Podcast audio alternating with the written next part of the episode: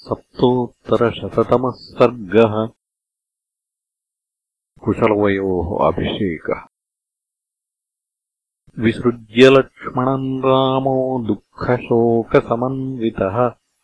पुरोधसम्मन्त्रिणश्च नैगमांश्चेदमब्रवीत्। अद्य राज्येऽभिषेक्ष्यामि भरतम् धर्मवत्सलम् अयोध्यायाः पतिम् वीरम् ततो यास्याम्यहम् वनम्। प्रवेशयतसम्भारान्मा भूत्कालस्य पर्ययः। अद्यैवाहम् गमिष्यामि लक्ष्मणेन गताम् गतिम् तच्छ्रुत्वा राघवेणोक्तम् सर्वाः प्रकृतयो भृशम् मूर्धभिः प्रणता भूमौ गतसत्त्वा इवाभवन् भरतश्च विसञ्ज्ञोऽभूत् श्रुत्वा रामस्य भाषितम्। राज्यम् विगर्हयामास राघवम् चेदमब्रवीत्। सत्येनाहम् शपे राजन् स्वर्गलोकेन चैव हि न कामये यथा राज्यम् त्वाम् विना रघुनन्दन। इमौ कुशलवौ राजन् अभिषिञ्च नराधिप। कोसलेषु कुशम् वीरम् उत्तरेषु तथा लवम्। शत्रुघ्नस्य तु गच्छन्तु दूतास्त्वरितविक्रमाः इदम् गमनमस्माकम् स्वर्गायाख्यान्तुमाचिरम्। तच्छ्रुत्वा भरतेनोक्तम् दृष्ट्वा चापि यधोमुखान्।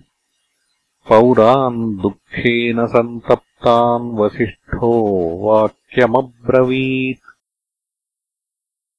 वत्सराम इमाः पश्य धरणीम् प्रकृतिर्गताः ज्ञात्वैषाम् ईप्सितम् कार्यम् मा चैषाम् विप्रियम् कृथाः।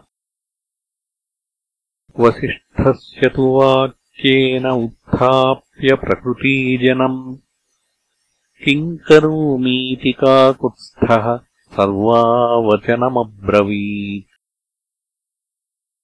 ततः सर्वाः प्रकृतयो रामम् वचनमब्रुवन् गच्छन्तम् अनुगच्छामो यत्र रामगमिष्यसि।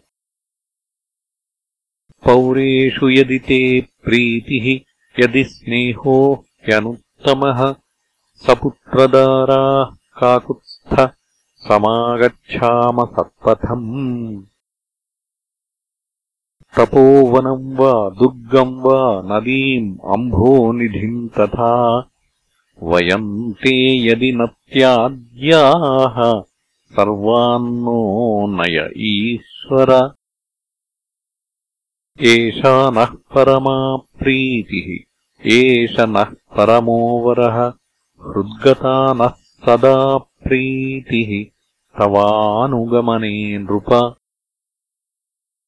पौराणाम् दृढभक्तिम् च बाढमित्येव सोऽब्रवीत् स्वकृतान्तम् चान्ववेक्ष्य तस्मिन्न हनिराघवः कोसलेषु कुशम् वीरम् उत्तरेषु तथा लवम् अभिषिच्य महात्मानौ। उभौ रामः कुशीलवौ। अभिषिक्तौ सुतावङ्के प्रतिष्ठाप्यपुरे ततः परिष्वज्य महाबाहुः मूर्ध्न्युपाघ्राय चासकृत् रथानाम् तु सहस्राणि नागानाम् अयुतानि च दशायुतानि चाश्वानाम् एकैकस्य धनम् ददौ। बहुरत्नौ बहुधनौ हृष्टपुष्ट जनावृतौ स्वे पुरे प्रेषयामास भ्रातरौ तु कुशीलवौ। अभिषिच्य सुतौ वीरौ प्रतिष्ठाप्यपुरे तदा दूतान् सम्प्रेषयामास शत्रुघ्नाय महात्मने